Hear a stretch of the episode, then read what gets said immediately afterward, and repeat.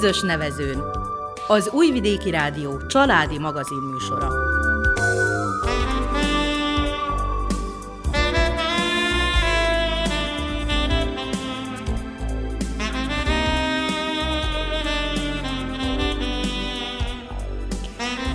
Köszöntöm a közös nevezőn hallgatóit, Berényi Takács Klára vagyok, a mai műsor szerkesztője.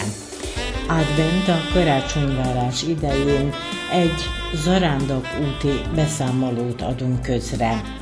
Pén Andrea részt vett az El Camino zarándok úton. Előkészületeiről, élményeiről egy előadás keretében számolt be a zentai hallgatóságnak. Az előadás szerkesztett változatát hallgathatják most. Az ügyeletes csoport nevében kellemes rádiózást kívánok a beszámolóhoz.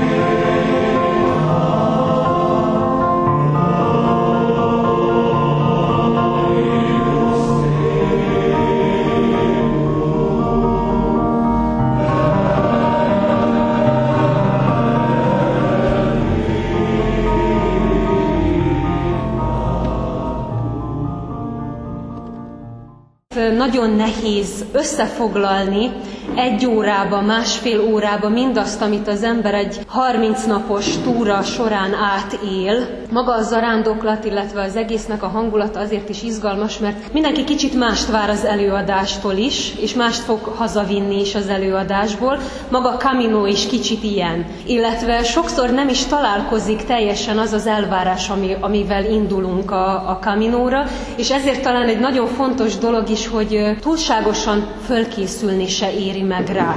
Tehát ez pont egy olyan zarándoklat, amire nem éri meg túl készülni az embernek. Nyilván vannak dolgok, amik, amikkel érdemes számolni, illetve érdemes előkészülni, de, de nagyon fontos, hogy maga az út, illetve ez a 30 nap a új élményekről, csodákról, új találkozásokról, illetve magunk megismeréséről szól majd elsősorban.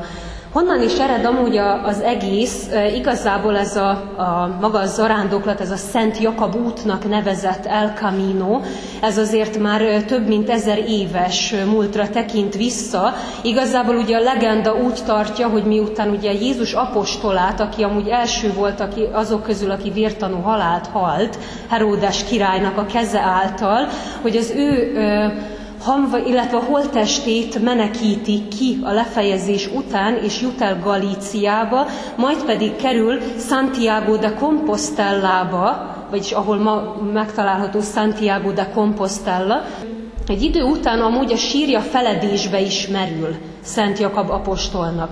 Viszont ezt követően körülbelül 600 évvel föl, ismételten úgymond felfedezik a, a helyet, és a legenda úgy tartja, hogy ténylegesen itt, itt található Szent Jakab apostolnak ugye a holteste, és miután, vagy mikoron ugye a középkor tájéken ugye a törökök elzárták a Jeruzsálembe vezető zarándok utat, így megindul, föl virágzik kvázi ez a, ez a zarándok út. Ez ugye Spanyolországban található, világ összes részéről, nem akarok hazudni, de tényleg az összes részéről indulnak emberek, hogy kvázi elzarándokoljanak a sírig, az emlékhelyig.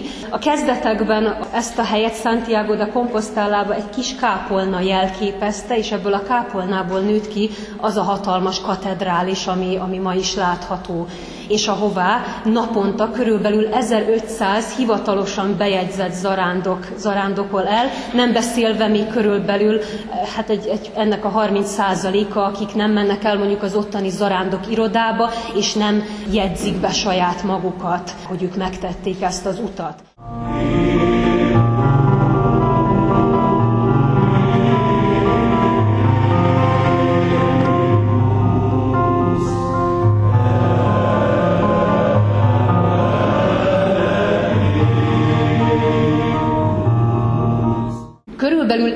Évente, most megint számokat, ilyen 270 ezer zarándok járja ezt a szakaszt, ezt az utat, az, azt fontos még kiemelni, hogy számos hivatalos út létezik, aminek mindegyikének a célja az Santiago de Compostela lesz. Viszont ugye maga a francia út, ez az, amit én is megtett. Saint-Jean-Pied-de-Portból indul. Ez Franciaországnak az a határmenti kisváros, ami a spanyol határral, vagy hát nagyon közel fekszik a spanyol határhoz.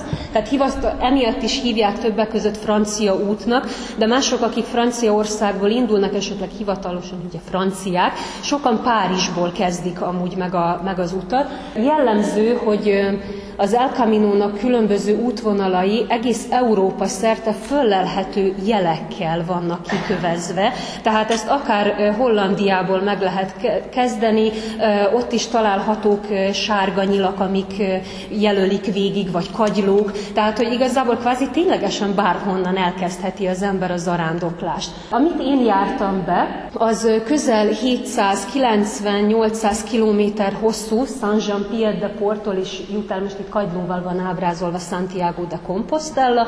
Természetesen a többi útvonal az rövidebb, hosszabb, valamelyik 1200 kilométer hosszúságú. Miért választottam ezt az utat? Egyrészt, mivel ez a legrégebbi, és úgymond a hivatalosak, és az első zarándok utak közül a, a, a leginkább hát frekventált, leggyakrabban járt. Mivel az első zarándok utak között volt, ez van a legjobban jelölve, szállások végig vannak, illetve ugye ténylegesen amúgy 5-10 kilométerenként talál az ember boltot, faluk, városok húzódnak végig. Tehát olyan azért ritkán fordul elő, hogy több órát gyalogol az ember a pusztában. Aki mégis ilyen kalandra vágyik, az válassza inkább esetleg a, az északi utat, ami az óceán partján illetve hegyeken visz végig, kevésbé lakott, vagy hogy mondjam, tehát ott ez, ez inkább egy kicsit már amúgy a, a vad, vadabb részét képezi a, a zarándoklásnak, illetve magaslatokba is azért eltér, mert a francia út az igazából három helyen emelkedik ezer méter magas, maga, vagy magas fölé. Viszont egyébként relatív járható, könnyen elvégezhető az út. Tehát ezekben is eltérnek. Ennek érdemes utána járni, hogy aki, aki inkább jobban szeret erdőkben, hegyvidékeken, ilyen, ilyen helyeken túrázni, akkor az olyan zarándokutat válasszon magának.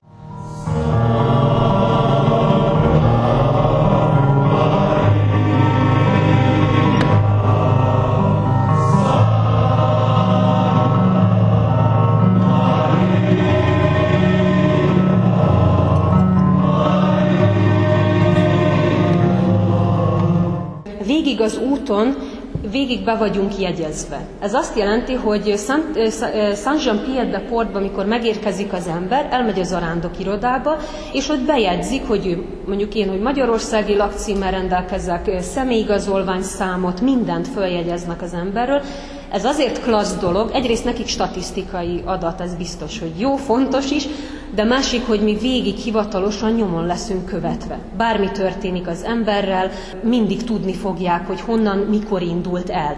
És hogy hogyan tudják utána is követni, van egy kevésbé szép hagyományjal indult kredenciál, ami régen a középkorban amúgy azért jött létre, bizonyos rabok, akik, akik hát úgymond kiszerették volna esetleg váltani a börtönbüntetést, vagy a halálbüntetést, azok elvégezhették ezt a zarándok utat. De akkoriban azért nem úgy kellett elképzelni, hogy ilyen szépen 5-10 kilométerenként hopp egy kávézó, hopp egy étterem, hopp egy szállás, stb., hanem a középkori körülményeknek megfelelően azért ezek veszélyes terepek voltak, nem beszélve ugye a, a, az út közben jelentkező banditáktól, tehát fosztogatás az, az végig. Tehát, hogy azért nem volt egy egyszerű menet, viszont kaptak egy ilyen kredenciált, amiben pecséteket aláírásokat tudtak gyűjteni, szignókat útközben bizonyos helyekről, ezzel tudták a legvégén igazolni, hogy megtették a zarándok utat. És akkor igazából, ha ez megtörtént, nyilván addigra az a 30-40 nap, míg ezt ők végigjárták, elég idő volt ahhoz, hogy gondolkodjonak, megbánják a bűneiket, megtisztuljanak, stb. Tehát, hogy ennek volt azért egy ilyen vonzata. És igazából innen maradt fönn a kredenciál, ez, ez mai napig is igazából egy ilyen pecsétgyűjtő, kicsit talán olyan, mint ezek az ilyen kerettörténetes játékok, amikben pecséteket gyűjt az ember. Egyik szálláshelyen szebb a pecsét, mint a, a másik helyen. Lehet a, a, azokon a helyeken gyűjteni, ahol alszik az ember, tehát ezek vannak erre szakosodott, igazából albergéknek nevezett szállások, Legtöbb esetben ezeket egyházak, kolostorok működtetik, viszont sok privát szállás is elérhető, ott is kap az ember ugyanúgy pecsétetet, és ott is ugyanúgy odaadod a személyigazolvány számodat, tehát konkrétan ők bejegyeznek a rendszerbe, végig nyomon vagy követve. Ez többek között azért is fontos, mert, mert tényleg ne adj Isten, elveszel, bármi történik vele, tudják, hogy hol jártál legutoljára, és onnan azért, azért nagyon könnyen meg tudnak találni. És végezetül, amikor beér az ember Santiago de Compostellába, végigjárja az utat, akkor ezt a, az útlevelet bemutatja, megmutatja, hogy ő, ebbe be vannak ugye a napok is jegyezve, hogy milyen dátumokon ért oda az ember, legalább 30 pecsétet össze kell belegyűjteni, ez körülbelül úgy, úgy tudom, hogy 30. Erre van is egy szabály, hogy az utolsó 100 kilométeren próbáljanak meg az emberek így kettőt gyűjteni, ez azért is fontos, mert nagyon sokan csak az utolsó 100 kilométert zarándokolják le, mivel egyrészt nincs idejük hosszabb utakat vagy hosszabb útra jönni, másrészt meg 100 kilométerrel is hivatalosan elfogadják a, a zarándoklatot. Ez egy kicsit ki is zökkenti az embert amúgy a, menetelésből, mert egészen addig, míg odáig eljut, az így ilyen, hát csillben, nyugalomban zajlik, magával tud foglalkozni az ember. Az utolsó 100 kilométer, az meg hirtelen egy turista útvonal lesz, egy, egy hihetetlen nyüzsgi és teljesen más, mint amit addig megszokott az ember, vagy ahogy átszellemült igazából az úton. Tehát, hogy ott egy kicsit ez, ez nehézkes így, így pszichésen, hogy, hogy átváltson az ember ebbe. Tehát, hogy emiatt is kell, hogy azok kettő pecsétet gyűjtsenek, mindegy, ez egy ilyen, ilyen, ilyen szervezés, logisztikai része az egésznek. És akkor miután ott igazolta, végigvárja a sort a zarándok irodában, Santiago de Compostellában, itt sorszámot kell húzni, ez is mivel nagyon sűrűn látogatott hely lett, ez például az esetemben, amikor én beértem, akkor a 657. sorszámot húztam ki, és akkor 10 óra volt. Egy órája nyitott a zarándok iroda. Tehát onnan kezdődik a várakozás, és én még aznap tovább szerettem volna menni, mivel az útvonal kivisz egyébként egészen az Atlanti óceán partjáig, tehát elérhető Finisterra, illetve Mussia is lábon. Ez amúgy hihetetlen, hogy, de úgy van általában az ember, hogyha már itt megkapja ezt a komposztellát, a, a bizonyítványt arról, hogy ezt, ezt lezarándokolta, a legtöbben kigyalogolnak ki utána az óceánig is, ez körülbelül még egy 140-200 kilométer, tehát rászánhat az ember még egy 4-5 napot ahhoz, hogy ezt, ezt legyalogolja. Számomra ez a pillanat volt egyébként a, a legszebb. Lehet amiatt, hogy a Santiago de Compostela, mint egyrészt nagyváros, más is plusz dugig volt. Tehát, hogy tényleges, egy, én ugye az indulást július 17-ére tűztem ki egy szombati napra, hogy akkor kezdem meg hivatalosan. Ez nagyon klassz volt, mivel addigra pont, hogy enyhültek a Covid szabályzások, ezért nem kellett már ha repülővel ment az ember, az más dolog, arról is mindjárt beszélek. Hivatalosan Magyarország és Spanyolország között zöld út volt. Tehát gyakorlatilag nem kellett Covid igazol, vagy védőoltásnak az igazolását felmutatni, nem kellett PCR-teszt, semmi. Tehát igazából én erre vártam nagyon sokat, hogy itt azért ez, ez így, így, egyrészt nem akartam karanténba kerülni, meg utána, ha visszajövök, talán még az a legkisebbik, de hogy ott ne kelljen így haladni. Meg állandóan PCR, az nekem volt véd, védettségi igazolványom, viszont a szállások külön megkérhetik, meg, megkérhették akkor is, hogy esetleg ott köteles vagy fölmutatni a PCR-t, vagy pedig ugye a, a védettségi igazolványodat. Ezzel azt akartam mondani, hogy ugye július 17-ére tűztem ki a, az indulást, és hát azért nyár kellős közepe, emiatt is volt sokkal több turista, illetve zarándok is, meg hát pont emiatt, hogy zöld út lett, amúgy egy kicsit szerintem pont jött július-augusztusban az egész világon egy kicsit enyhültek így a, a szigorítások, úgyhogy ténylegesen egy dömping volt. Másik része, Szent Év van, volt is, tavaly is, ami azt jelenti, hogy még duplázódnak a, a zarándokok, és most ezt ki is tolták, tehát mivel tavaly szigorúbbak voltak a szabályzások, emiatt idén is szent év van, meg jövőre is szent év lesz. Úgyhogy ez, ilyet lehet csinálni, úgyhogy kitolódott három évre az az egy szent év, ami szerint azt hiszem igen egy száz, száz éves évfordulót jelent egyébként így a történelem.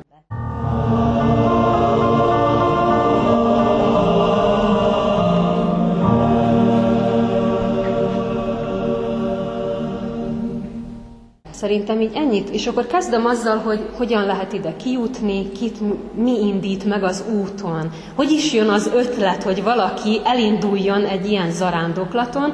Szerintem az elmúlt két évben nem kell bemutatni, mi az, amikor tetőződik mindenkinél hát pszichésen egy bizonyos pont, ahol egyébként is igényli a magányt, azt, hogy kimenjen egy kicsit a sokaságból, egyedül tudjon lenni, mehessen csak, legszívesebben kiszaladna a világból. Nekem nem most kezdődött ez két éve, én igazából az egyetem elvégzése után terveztem, hogy egy ilyen zárásképpen elindulok a kaminón. Akkor hallottam amúgy először egy, egy, egy régi baráttól, ismerőstől az útról, és akkor kezdtem el kutatni utána. A veszélyes ebben, ebben az El Camino-ba, hogy amikor először hall róla az ember, onnantól kezdve nem nagyon tud szabadulni tőle. Elkezd filmeket nézni róla, olvasni róla, egyre többen jönnek vele szembe, akik erről beszélnek, és szó szerint nincs addig menekvés, és higgyétek el, hogy akinek ez egyszer bogarat ültetett a, a fülébe, el fog jutni. Előbb vagy utóbb, de el fog jutni az El Camino-ra, hogyha ez ténylegesen egy olyan, olyan indítatás, egy olyan, olyan erősségű hívó szó lesz. Nagyon sokan Valóban úgy, mint a zarándoklat, tehát vallási okok miatt keresik fel az utat. Nem is véletlen, egészen végig ki van köve, kövezve, hát az, út mentén tele vannak katedrálisokkal, kolostorokkal, templomokkal, gyönyörű, szép, gótikus épületek kísérhetnek végig az úton. Viszont a másik része, aki, mert voltak időszakok, amikor ez a vallási rész ez hullámzott, és sokan viszont hát majdnem, hogy teljesítménytúraként indulnak, ugyanis hát ha utazás orvostanként tekintünk rá, ez egy hosszú távú túra. Ha belegondol az ember, hogy napi szinten nem 5 kilométerek. Tegyük föl, hogy azért, azért vala, tehát hogyha ha nincs annyi ideje az embernek, hogy két-három hónapokat el, ezzel töltsön, próbálja egy hónapba belesűríteni. 30 nap legyen az az alap, naponta 25-30 kilométeres etapokról van szó. Saját maga oszthatja be mindenki, hogy ezt hogyan teljesíti, de, de átlagban azért ez, ez a 20-25 kilométer szokott, lehet ez több, lehet kevesebb. Sok mindentől függ, hogy ki mennyit megy egy nap, Fizikai erőnlét, azt rögtön mondanám az elején, hogy akkora előkészületet nem igényel az út. Tehát ezt nem úgy kell elképzelni, hogy hónapokat, éveket edz rá az ember, de azzal tisztába kell lenni, hogy egyrészt ismerje saját magát az ember, hogy mennyi a teherbírása. És itt szokott a probléma lenni, és ezért kell edzeni rá előtte, mert vagyunk olyan makacsok, hogy ó, én ezt kibírom és tologatjuk naponta a kilométereket, és lesz belőle 30, és 35, és 40, és 45, és 50, és 60, és jönnek a ingyulladások, izomgyulladások, lesántulások, bokaficamok, stb., ami hát jó esetben egy-két hét alatt gyógyul, legrosszabb esetben meg nem fog meggyógyulni ebbe a két hétbe, és az egész utat megsemmisíti, tehát utazhat haza az illető. Viszont szerintem az egész útnak ez a legnehezebb, de a leglényegesebb része is, most saját magunkkal fogunk küzdeni végig. Elejétől a legvégéig. Igazából ez vonzott engem is, mivel egy hatalmas nagy lehetőség arra, hogy önismereti terápiába menjünk bele. Aki ismer, nem ismer, én pszichiáter rezidens vagyok, úgyhogy számomra még fontosabb volt megtapasztalni ezt a részét, illetve hát ilyen gúnyolódva szokták azt is mondani, hogy amúgy az El Camino a világ leghosszabb pszichoanalitikus díványa. És ez nem véletlen, én erre kíváncsi voltam amúgy, hogy ki hogy éli meg, meg az El Camino-t, illetve hogy nekem mi lesz a, a, a tapasztalatom. Viszont valóban az egyetem után én is elkezdtem dolgozni, egyre nehezebb volt bármi kilátást találni arra, hogy, hogy elinduljak az úton. Hát azért orvosként elengedni négy hétnél többre nagyon nehéz. Viszont Covid-nak és mindennek is köszönhetően elkezdtem PHD, PHD tehát doktori iskolába kezdtem el járni, úgyhogy most két évet ott vagyok.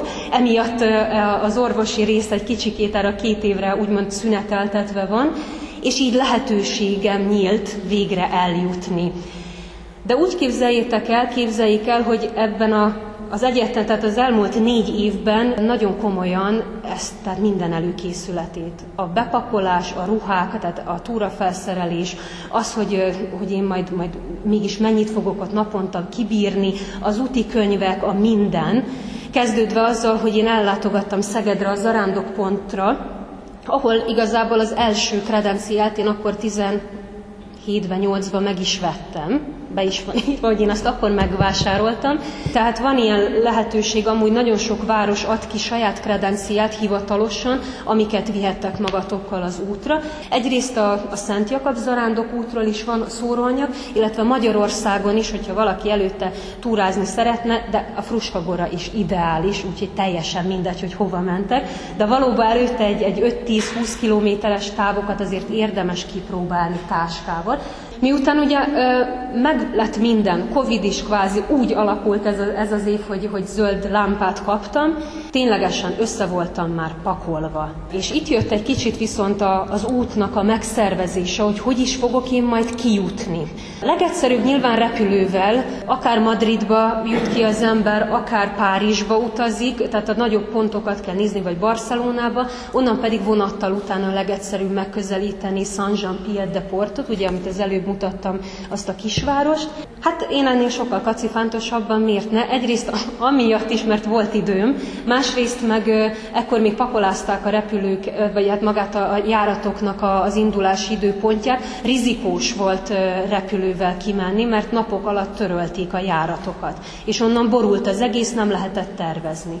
És emiatt én Flixbusszal mentem, ami majdnem, hogy 36 órát vett igénybe, hogy én először is úgy indultam, hogy Budapestről mert úgy látom, hogy Budapest, Zürich vagy München vonattal, éjszakai járattal elmentem, onnan utána Flixbusszal elmentem Lyonba, ami, ami Franciaországban van, majd pedig Lyonból Bayonnéba, Bayonnéból pedig Saint-Jean-Pied-de-Portba ezt felejtse el minden, ez szörnyű dönt választás volt, ez szörnyű volt az egész út, majdnem lekéstem a csatlakozást, Bernben valam, tehát kerestek a, a határőrök valamilyen, nem tudom, hogy drogcsempészt, valaki, majdnem lekéstem tényleg a, a csatlakozást, nem, de, de igazából meg annyival tudtam áthidalni, hogy nekem a kaminom elkezdődött ott. Tehát a probléma, megoldások, meg a saját magamnak is, hogy, hogy most ne bukjak ezen ki.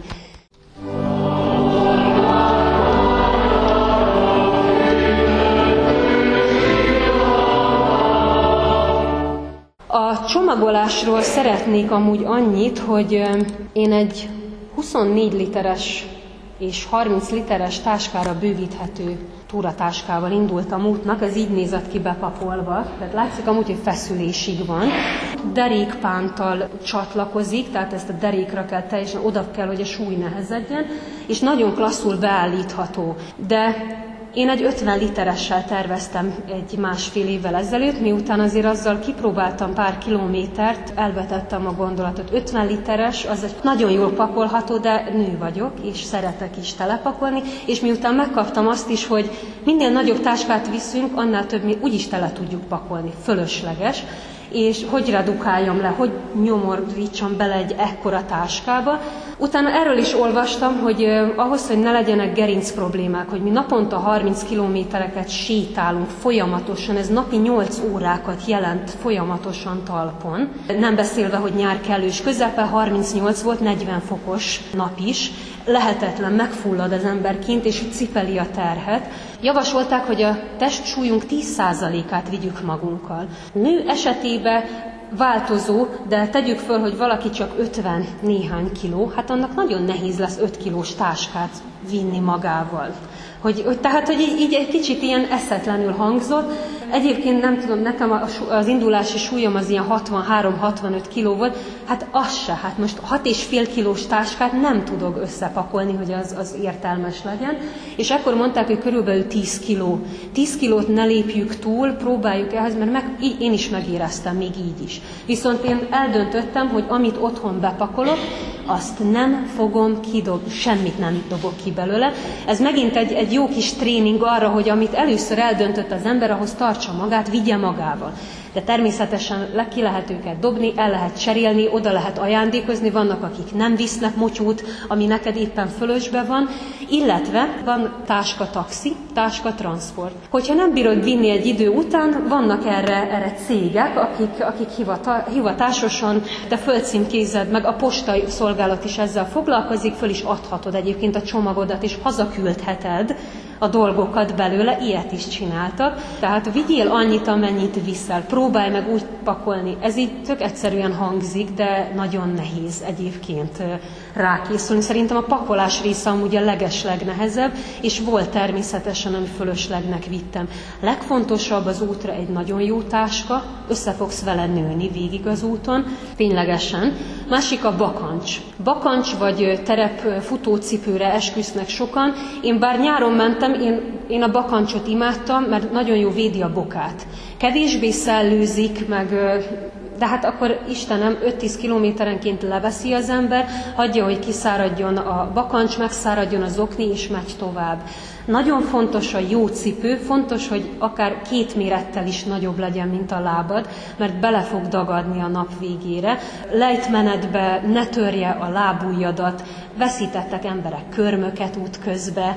Tehát hogy nagyon sok mindent meg lehet előzni egy jó bakancsal, éppen emiatt nem éri meg indulás előtt venned a bakancsot, járj benne legalább 100-200 kilométert előtte. Tehát törd be azt a bakancsot, inkább itthon gyere rá, hogy rossz vásárt tettél, mint hogy ott útközben. Sajnos volt olyan, akinek útközben föladta a bakancsa. Szétment, venni kellett. Nyilván van erre lehetőség, mert nagyon sok ö, olyan helyet érint tényleg az egész zarándok ahol Decathlontól kezdve bármilyen nagy ö, sportüzlet, a Hervis, akármi található, tehát ténylegesen bárhol bármit meg lehet vásárolni, mint túrához, mint egyéb felszerelés vagy kajára vonatkozik, de nem éri meg, mert utána azzal fogsz küzdeni heteken köröztül, hogy fájni fog a lábad benne.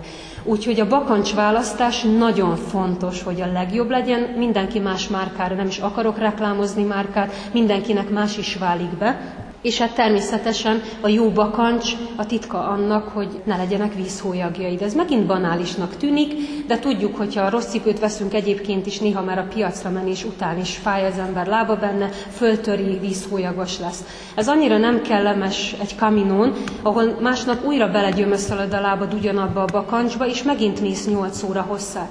Az a vízhólyag nőni fog, láttam nagyon csúnyákat, amik egész talpra kiterjedtek, sarokra, nem, nem is, hogy nem tudjuk kezelni, nem nagyon lehet, mert rá fogsz utána újra terhelni. Voltak erre házi praktikák, kiszúrni, átfűzni rajta cérnát, úgy menni benne. Nagyon jó vannak amúgy automaták, amikbe kaphatók vízhólyag tapaszok. Konkrétan, mint a kávéautomaták, mindenféle egészségügyi csomagokat adnak ki, kezdve a bokafáslitól, a raktapaszokon keresztül, maszkok természetesen, bármit tényleg hozzá lehetett jutni az automatákban, és egyébként ezek a vízhólyag tapaszok nagyon klasszak voltak. Tehát, hogy ez ténylegesen levitte, tudta úgy hidratálni, hogy kiszívja belőle a folyadékot, és másnap mehettél. De, de tényleg voltak nagyon csúnyák. A másik pedig, ami, amit említettem is, hogy hogyha nem, jó, nem jól van beállítva a táska, nem jó a bakancs, az egész gerincedre, az egész vázrendszeredre igazából egy nagyon fura, fura eloszlású terhelés fog menni, ami, ami ténylegesen a, a negyedik, ötödik napon tetőzni is fog, és nem azt mondom, hogy megnyomoríthat az út során, de, de nagyon súlyos sérüléseket. Voltak emberek, akikkel találkoztam, hogy sajnos kórházba kerültek emiatt, és megint egy jó néhány nappal elnyúlik az út. Ez mind megelőzhető, fontos, hogy észnél legyünk, szárítsuk a lábunkat, ez megint nagyon nehéz, mert mellettünk látjuk, hogy ötösével, tízesével, huszasával mennek a zarándokok is vagyunk olyan makacsok és konokok, és azért is megyünk, mert mi bírjuk. Vagy nem beszélve arról volt egy nagyon aranyos barcelonai fiú, aki igaz, akivel az utolsó 50 kilométert ezt együtt sétáltuk végig. Ő mesélt arról, hogy neki a kaminója arról is szólt, hogy rájöjjön arra, hogy mennyire függ más emberektől, és hogy erről hogy szokjon le, hogy változzon ebbe, ebbe meg, mert ő az első két hétben ilyen miatt el is esett egy hétig a, a zarándoklástól, a sétálástól, mert hogy követte a többieket. Nagyon jó. Az El Camino hatalmas hely és nagyon klassz hely az ismerkedésre, más kultúrájú emberekkel találkozni, más látásmódú emberekkel ismerkedni, és nagyon gyorsan kialakulnak barátságok. Ha belegondol az ember, hogy naponta 8 órákat együtt sétálunk, még ha csak így el is megyünk face-to-face egymás mellett, de nagyon erős, tényleg, tényleg nagyon erős kötelékek alakulnak ki, nem beszélve a zarándok szállásokon, ami után már megérkeztünk egy-egy helyre, a hosszú beszélgetésekről, a, a, a közös vacsorákról, iszogatásokról, illetve hogy egy-egy napnak az élményeit megosszuk egymással, hihetetlen, hogy nagyon gyorsan kialakulnak. Viszont ugye ez az egyik veszélye is, mert mindenkinek más a tempója. Tényleg abba a csapdába lehet esni, hogy valaki, hát egyébként is mondjuk akár élsportoló, le tudja azt a napi 40 kilométert, neki az a legjobb, olyan tempóba is. Mi meg nem szeretnénk elveszíteni, és megyünk vele. Vagy akkor ő vesz vissza a tempójából, hát de akkor meg ő nem élvezi annyira az utat, ez a barcelonai fiú mesélte, hogy ő neki, ő neki ez nagyon rossz volt, hogy egyrészt próbálta tartani a tempót, lesérült, egy hétre elveszítette őket, és utána ők nem is találkoztak az, abban az egy hónapban. Nyilván most, a, amióta van WhatsApp, Viber, Facebook, stb., lehetett az út során tartani azokkal a kapcsolatot, akikkel így jobban összemelegedett az ember, de természetesen más volt, mint ha vele, vele sétálnál. Ő mondta, hogy így a végére sikerült, vagy a végére sikerült magába annyira letisztázni ezeket, hogy tudott önmaga egyedül a gondolataival sétálni, és a saját tempóját kiválasztva haladni.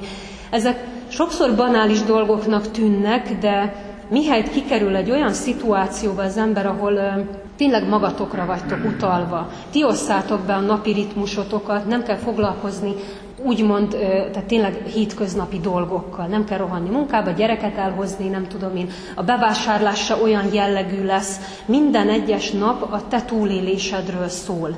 Ez azért elég luxus körülmények között, ugyanis azért tényleg a francia út az nagyon-nagyon jól felszerelt, és, és tényleg nem egy ilyen vadkempingezést kell elképzelni, de hogy, de hogy tényleg okosan, okosan kell.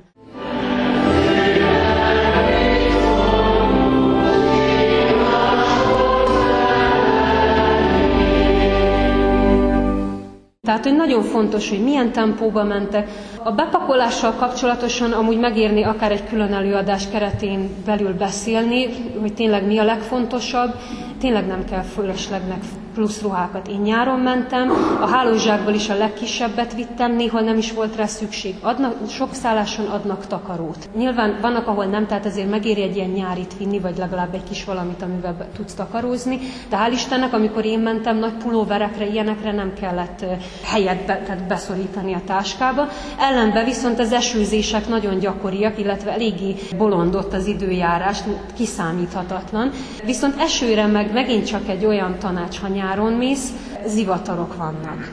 Úgyis teljesen el fogsz ázni, tehát akármilyen esőkabátot viszel, általában ha kint vagy, és a semmibe gyalogolsz, nagyon sokszor azt az 5-10 kilométer, tényleg bugyig, zoknig, mindened át fog ázni, bakancsról nem is beszélve, cuppogó bakancs, stb. Még egy 5-10 kilométeren már a fejedben van, hogy na most biztos, hogy vízhólyagom lesz, na most meg fogok fázni, elindulnak ezek az ördögi körök, klassz amúgy ezeket is leküzdeni. És megint, megint nagyon nehéz, mert tudjuk, hogy a hétköznapokban hogy szoktunk ezekbe a szituációkba viselkedni. De egy, és emiatt én nem is ezt a poncsót választottam, amit így magára terít az ember, vagy hogy így alákap a szél is amúgy viszi, mert nagyon sokszor tényleg szeles nyitott tereken gyalogoltunk végig, hanem pont emiatt egy zárt cipzárolható, inkább széljacki és esőkabát kombóját vittem magammal, szintén nagyon kicsire összehajtogatható volt, így, így könnyen elfért a táskába. A vízpótlás nyáron nagyon fontos, elektrolitpótlás és a megfelelő táplálkozásról meg nem lehet kellően besz- eleget beszélni. Nem lehet szendvicsekből megélni minden reggel, este, délbe Nagyon fontos, hogy napi egyszeri meleg ételt biztosítson magának mindenki. Van az a klassz, hogy ezen az úton vannak zarándok menük, ami elég kiadós, tartalmaz egy előételt, egy főételt, illetve egy üveg bort is. Úgyhogy mi akkor is, ha egyedül leszik az ember, meg akkor is, ha csapatba, úgyhogy ezzel vigyázni kell, hogy a, nap, napi borfogyasztás, mivel azért Spanyolország híres a finom jó boraikról, igazából a ház, tehát én nem ittam ott rossz bort. Akár milyen helyre mentünk, nagyon jó borok voltak, de, de tényleg vigyázni kell, mert, mert napi szinten bele lehet bele lehet botlani, illetve jutni. Csomagolással kapcsolatosan mindenütt lehet mosni a ruhákat, ezért se kell telepakolni, hogy mindenből legyen három pár váltás, meg egy hétre elegendő. Ez, én ezzel kapcsolatban kaptam amúgy a legtöbb kérdést, hogy, hogy így a, a ruhapakol, hogy hogy kell elképzelni, hogy egy hónapra elmegy az ember, és tudjuk azt, hogy egy hétvégére is nagyon nehéz, és sokszor bőröndökkel megyünk egy hétvégés kis utazásra el. Nem fogunk estéig ruhát vinni, nem, fogunk, nem lesznek olyan szituációk, ahova ki kell öltözni. El, elkezd redukálódni azért így a ruha mennyisége. Váltások alsó nemükbe, ugye fehér nemükbe szintén nem tényleg minden szálláson tudtok kézzel mosni. Az albergék rendelkeznek olyan helyekkel, ahol lehet kézzel mosni, a másik meg mosógépek is vannak. A mosógép, illetve szárítógép használata viszont ha belekalkulálod a napi költségvetésbe, az naponta 3-4 eurót elvesz, úgyhogy annyira nem biztos, hogy kifizetődő. Lehet, van rá lehetőség, a legtöbb szálláshelyen van mosógép, de, de ha például csak egy zoknit, vagy nem tudom én, blúzt akarsz kimosni, bőven jó, ha ott a, a, az előkészített lavórok vannak, vannak erre megfelelő mosogató helyek, ahol, vagy mosóhelyek, és ott egész nyugodtan ki lehet mosni, és akkor ki lehet őket szárítani. Ezzel kapcsolatban nyilván mondják, hogy vigyünk amúgy ruhaszárítót, meg csipeszeket. Nagyon sok helyen volt elég hely, meg nyáron mentem, megint 40 fok volt délután, pár óra hossz alatt megszáradtak a ruhák. Nagyon változatos, nyilván én most az enyémet mutatom be. Aki elkezd ebbe gondolkodni, ugye tavasztól késő őszig tart amúgy a fő a szezon. Tehát ez valahol húsvétkor kezd, kezd igazából az a legtöbb albergé, legtöbb szálláshely ezt a szakaszt öleli, hát mégiscsak azért a, a szent ünnepek köré szerveződik a francia út. Ez nem azt jelenti, hogy nincsenek nyitva albergék, vannak télen is, csak sokkal kevesebb. És hát nem véletlen, hogy fel kell viszont a, a, akkor arra az időjárásra készülni, a hidegre, arra, hogy abban az időben nem biztos, hogy úgy fognak száradni a ruhák, hogy kell használni a szárítógépeket, elő kell készül, készülni annyi pénzzel, nem beszélve az esőzésekről, hogy napi szinten el lehet ázni. Tehát az én esetemben amúgy egyszer esett az eső, az is ilyen szitáló volt, úgyhogy én a 30 napot megúsztam eső nélkül. Úgyhogy van ilyen is, de július-augusztusban ez azért nem egy csoda, tehát ott azért vannak ilyen száraz időszakok, mert pont mielőtt én indultam, végig esett egy héten köröztül. Én egy kicsit félve is indultam. Egészségügyi csomagot, mit visz, krémeket, lábra, izomlazítókat, stb. Tehát nagyon-nagyon sok minden van. A legfontosabb talán, amit egyébként szintén az arándok irodában már lehet venni, vinni magaddal, az a maga a fésű kagyló, vagy Szent Jakab kagyló. Egyrészt húzza a táskádat ez is, úgyhogy egy plusz súly, de klassz, mert mindenki tudja, hogy te a kaminón vagy, és te is fölismered, hogy kik azok, akik a kaminón mennek végig. Tehát, hogy akinek egyébként egy ilyen fésű kagyló van a táskájára függesztve, az biztos, hogy a kaminót járja. Ennek a legendája amúgy nem, nem teljesen tiszta, valószínűleg ilyen fésű kagylók mentettek meg egy vitézt, aki beleesett a, az óceánba, aki előtt megjelent Szent Jakab, és megijedt a lova, és így esett bele.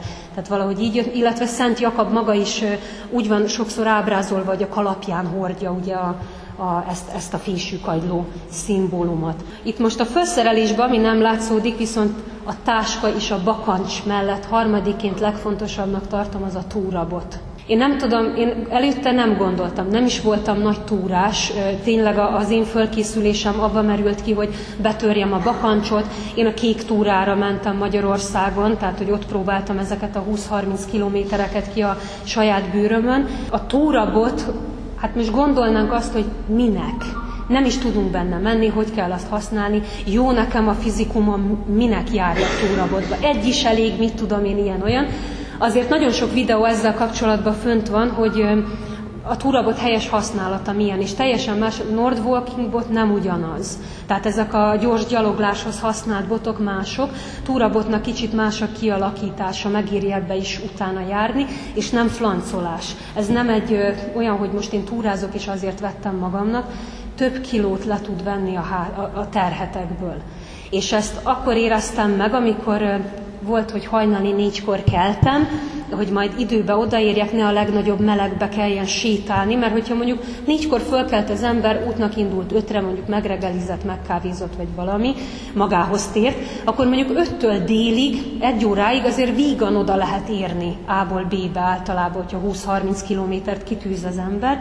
Ezeken a szakaszokon Általában a fejlámpát használ az ember, vagy a mobillal tud világítani, mert tök sötét van. Ami egyrészt nagyon klassz, mert csillagos ég, tehát nagyon sok helyen a kisfalvak között fényszennyezés nincs, tehát konkrétan az egész ég volt rátok borul, tehát annál fantasztikusabb látvány, tehát én eddig nem láttam. Tehát, hogy persze volt, hogy így mezőkön, vagy nem tudom, én így próbáltok kicsit így a határba kimenni, de egyszerűen gyönyörű. Közel-távol nincsenek fények. Tehát csak a csillagokat látjátok, és, és július vége, augusztus eleje meg tele volt hullócsillaggal. Tehát az pazar látvány. Na de szó, ami szó, hogy ugye vagy fejlámpát használtok, hát nekem a fejlámpám föladta nagyon gyorsan az elején, úgyhogy ez megint egy fontos kellék amúgy, ami a táskából nem hiányozhat. Ezért én mobillal világítottam. Hát nagyon ügyetlenül tudtam fogni, mert nem lehetett oda rögzíteni sehova, ezért az egyik kezem végig le volt foglalva, és csak egy kézzel túrabotoztam. És én ezeken a pár órás gyaloglásokon már megéreztem azt, hogy van különbség már a, a között is, hogyha egy túrabottal megy az ember, vagy ki kettővel. De ugyanígy voltak, akik túrabot nélkül kezdték meg az utat, utána összeszedtek valahol, mert nagyon sok helyen vannak, akik ott hagyják a túrabotot direktbe, hogy ők nem mennek, valaki csak addig ment, és emiatt hagyja ott a túrabotot, meg lehet vásárolni is útközben, de hogy a legvégére, aki tényleg zarándokolt 100 km fölötti kilométereket, az biztos, hogy legalább egyet visz magával. Tehát nagyon sok tehertől tud megszabadítani, megkönnyíti a fölfele menést, lefele ereszkedést. Nagyon sok olyan terület van, ahol ilyen sziklásabb, csúszósabb, bokabicsaklásoktól nagyon meg tud védeni. És nem, vannak, akik amúgy kutyariogatásra használták a botot, mert akkor beszéljünk erről is, hogy azért elég, eléggé hogy mondjam, folyamatosan mennek, jönnek az úton, de, de volt rá precedens, hogy kóbor kutyák vannak. Nem támadnak amúgy, de vannak, akik félnek és biztonságot ad amúgy a kóbor kutya. Én az Alföldi Kék túrán találkoztam amúgy kóbor kutyákkal, ahol jó hasznát vettem, legalább csak riogatásnak. Most azért most nem arról, hogy most lekiállsz kupán vágni szerencsétlen kutyát, hanem egyáltalán ad egy biztonságot, hogy, hogy van nálad valamilyen eszköz, és ha már a biztonság, de egyébként nem volt probléma, tehát a kutyusok igazából olyan jellegű kóbor kutyával, amik csak úgy, legtöbbnek volt tényleg nyakörve, falvakon belül kvázi a saját területüket védték, meg tudják a kutyák, tehát azért tényleg napi szinten folyamatosan jönnek a zarándokok. Tehát ezt úgy kell elképzelni, hogy ténylegesen nem tudsz eltévedni, látod az embereket, ha csak nem olyan zarándokot követsz, aki szintén eltévedt, és mert ilyen is előfordul, hogy olyan után mész, aki szintén rossz helyen fordult be. Ami megint csak nagyon nehéz, mert végig sárga kagylók, sárga nyilak végig vezetnek, plusz mivel az Európai Unió nagyon nagy támogatást fordított már, a, már az útra, egyrészt Spanyolország gazdasági, gazdaságának egy, egy igen nagy részét amúgy ez a rész teszi ki, vagy hogy mondjam, hogy, hogy a, a pénznek egy nagyon nagy része innen, innen folyik be ezért hatalmas fényvisszaverős táblák is vannak. Tehát vég, igazából azt mondanám, hogy nem lehet eltévedni, de hazudnék, mivel megint csak azt mondom, hogy sokszor annyira benne vagyunk a fejünkbe, meg annyira éppen mással vagyunk elfoglalva, hogy képesek vagyunk eltéveszteni az utat, és ez annyira nem vicces, amikor egy konkrétan egy dűlő utat téveszt el a pusztába az ember, és majd egy két-három kilométer gyaloglás után jön rá, hogy amúgy nincsenek nyilak, és nincsenek jelek, és uh, hol vagyok és visszafele sincsenek nyilak, de, de ilyenkor szerencsés vagy jó, hogyha egy út van, ahol visszafele tudsz menni.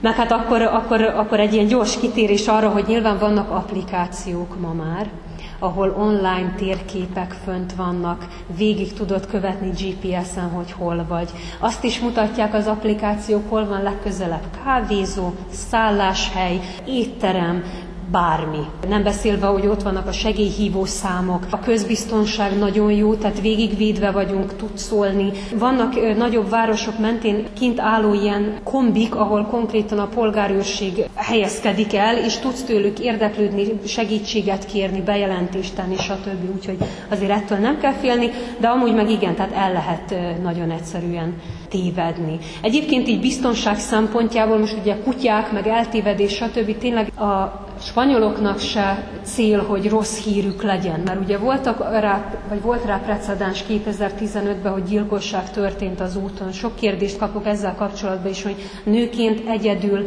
menjünk-e többen, barátokkal induljunk, csoportosan induljunk. Én mindenképp azt ajánlom, hogy ezt egyedül éri meg, tehát mindenki saját magának megy oda a kaminóját megélni ott úgyis bandázni fog, tehát ott úgyis össze fog verődni a, a többiekkel. Viszont igen, hogy történt sajnos ilyen eset is, nem tudni, hogy mi volt ennek az oka, hogy történt a, a, az eset, nyilván elfogták a gyilkosokat, viszont pont emiatt is megerősödött a biztonság, tehát hogy pont ez, hogy nem céljuk nekik se, hogy féljenek a zarándokok. Tehát én például egész végig, ahhoz képest, hogy voltak hajnali kelések, voltak késői zarándokhelyre odaérések, mentem én is több kilométer teljesen egyedül, nem éreztem magam sose félelembe, vagy, vagy, vagy úgy, hogy ne, ne lennék biztonságba. Szinte mindenütt van térerő, tudtok telefonálni, tényleg segítséget kérni, úgyhogy én, én ilyen szempontból teljes, ezt most azoknak is mondom, akik esetleg a gyerekeiket szeretnék erre elengedni, hogy bátran merem ajánlani, tehát, hogy itt amúgy az alsó korosztály 14 éves, bár a szülővel megy természetesen, de hogy egészen fiataloktól, egészen a 70 és 80 volt 90 éves is, aki szintén járja az utat, ezért is fontosnak tartottam kihangsúlyozni, hogy önmagában nem igényel egy nagy fizikai rákészülést. Ha tisztában van az ember a, a saját erejével, akkor ebből, ebből nincsen probléma.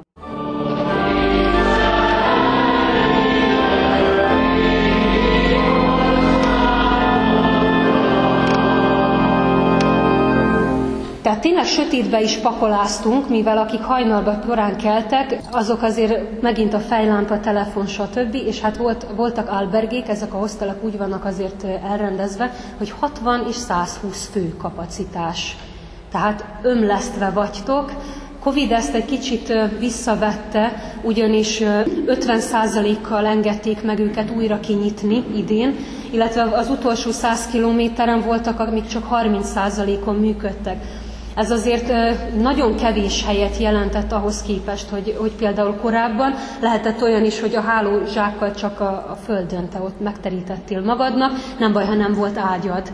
Sok helyen nem is kellett fizetni a szállásért, voltak, amik ilyen donatív alapon működtek, tehát donációba adtál egy eurót, két eurót, senki nem nézte, hogy mennyit adsz, ötöt, tizet, huszat, kinek mennyi volt igazából, vagy mennyit szánt rá. De hogy itt például ilyen, ilyen nagyon nem, nem, sajnos nem, nem, lehet, nem volt lehetséges. És emiatt is fontos, hogy a végén tényleg mindent fogsz ismerni a táskádban. Törölközőt, hát itt én kettőt vittem, ezek ilyen gyorsan száradó sporttörölközők. Nagyon klasszak, tényleg tusolás után szerintem egy, tényleg egy fél óra alatt, megint nyár van, nagyon gyorsan ki tud száradni, de ez akár télen is, tehát az egyik legjobb ilyen megoldás csősálnak a vitele.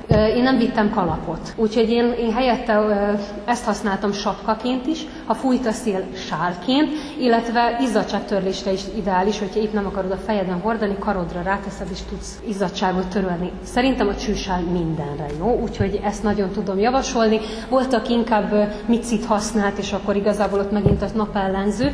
Amit viszont fontos kiemelni, hogy emlékeztek az elején, hogy keletről nyugat fele sétálunk, folyamatosan hátul ér a nap, úgyhogy annyira napszemüveg és napellenző se fontos, mert tényleg 90%-át folyamatosan úgy sétálod, hogy hátulról jönnek a, a sugarak, ami viszont nálam probléma volt, mert sokszor a fülemet elfelejtettem bekenni napteljel. Úgyhogy olyan hólyagosra leégett, hogy én ellenben, hogy nem volt vízhólyagom, mert én nagyon fölkészült voltam így, így a lábterén, a füleim hújagosra égtek le, úgyhogy én az utolsó egy hetemet ezzel szenvedtem, hogy azokat ápoljam. Mert másnap ismét kimentem a napra, és bár fölhúztam a csősálat, meg stb., azért Spanyolországban nyár kellős közepén nem feltétlen muszáj, hogy a dél és három óra közötti periódusba érjen a nap. Ha téged a délelőtt nyolckor ér, egy-két órát bőven elég, hogy leég, ha délután ér, hát az meg végképp, hát nem véletlen kettőtől ötig sziaszta is van. Tényleg nem éri meg, és nem is jó kimenni a városba, tényleg, tényleg bőrkárosodást fog szenvedni. Úgyhogy a naptej szintén egy nagyon, nagyon lényeges dolog. Tehát fontos volt a jó alvás, és olyan szálláshelyen legyek, ahol jót tudok aludni. Nem kell egyébként foglalni, tehát ez fontos kiemelni, amit nem kell túlkészülni, nem kell előre a szállásokat foglalni. Jó, ha maximum Saint-Jean-Pierre-de-Port foglalsz egy helyen, hogy legyen egy biztos bázisod, de utána nem is éri meg, mert nagyon sok kalantól el fogsz esni. Hogyha ugyanaz, nekem például ez egy nagyon nehéz pontja volt, mert én az egész életem minden napját betervezem, de, de nagyon, nagyon-nagyon. És nekem ez egy hatalmas komfortzóna átlépés volt, hogy itt most hagyjam, hogy menjen. Igazából itt meg is történt az első ilyen probléma, nem is foglaltam itt szállást, hát megesik, hogy betelik a hely, de hát Istenem, mész még 5 kilométert, vagy valamennyit, meg amúgy kérdezgetheted az embereket, fölajánlanak helyeket, tudsz aludni. Tehát olyan nem volt, hogy ne aludjon valaki valahol. Azért a kis falukról tudni kell, hogy nem tudnak ma- magyarul, nem tudnak angolul beszélni. Ugye azért az egész út során leginkább angolul folyik a kommunikáció, ha nem, akkor meg kézzel, lábbal lehet mutogatni.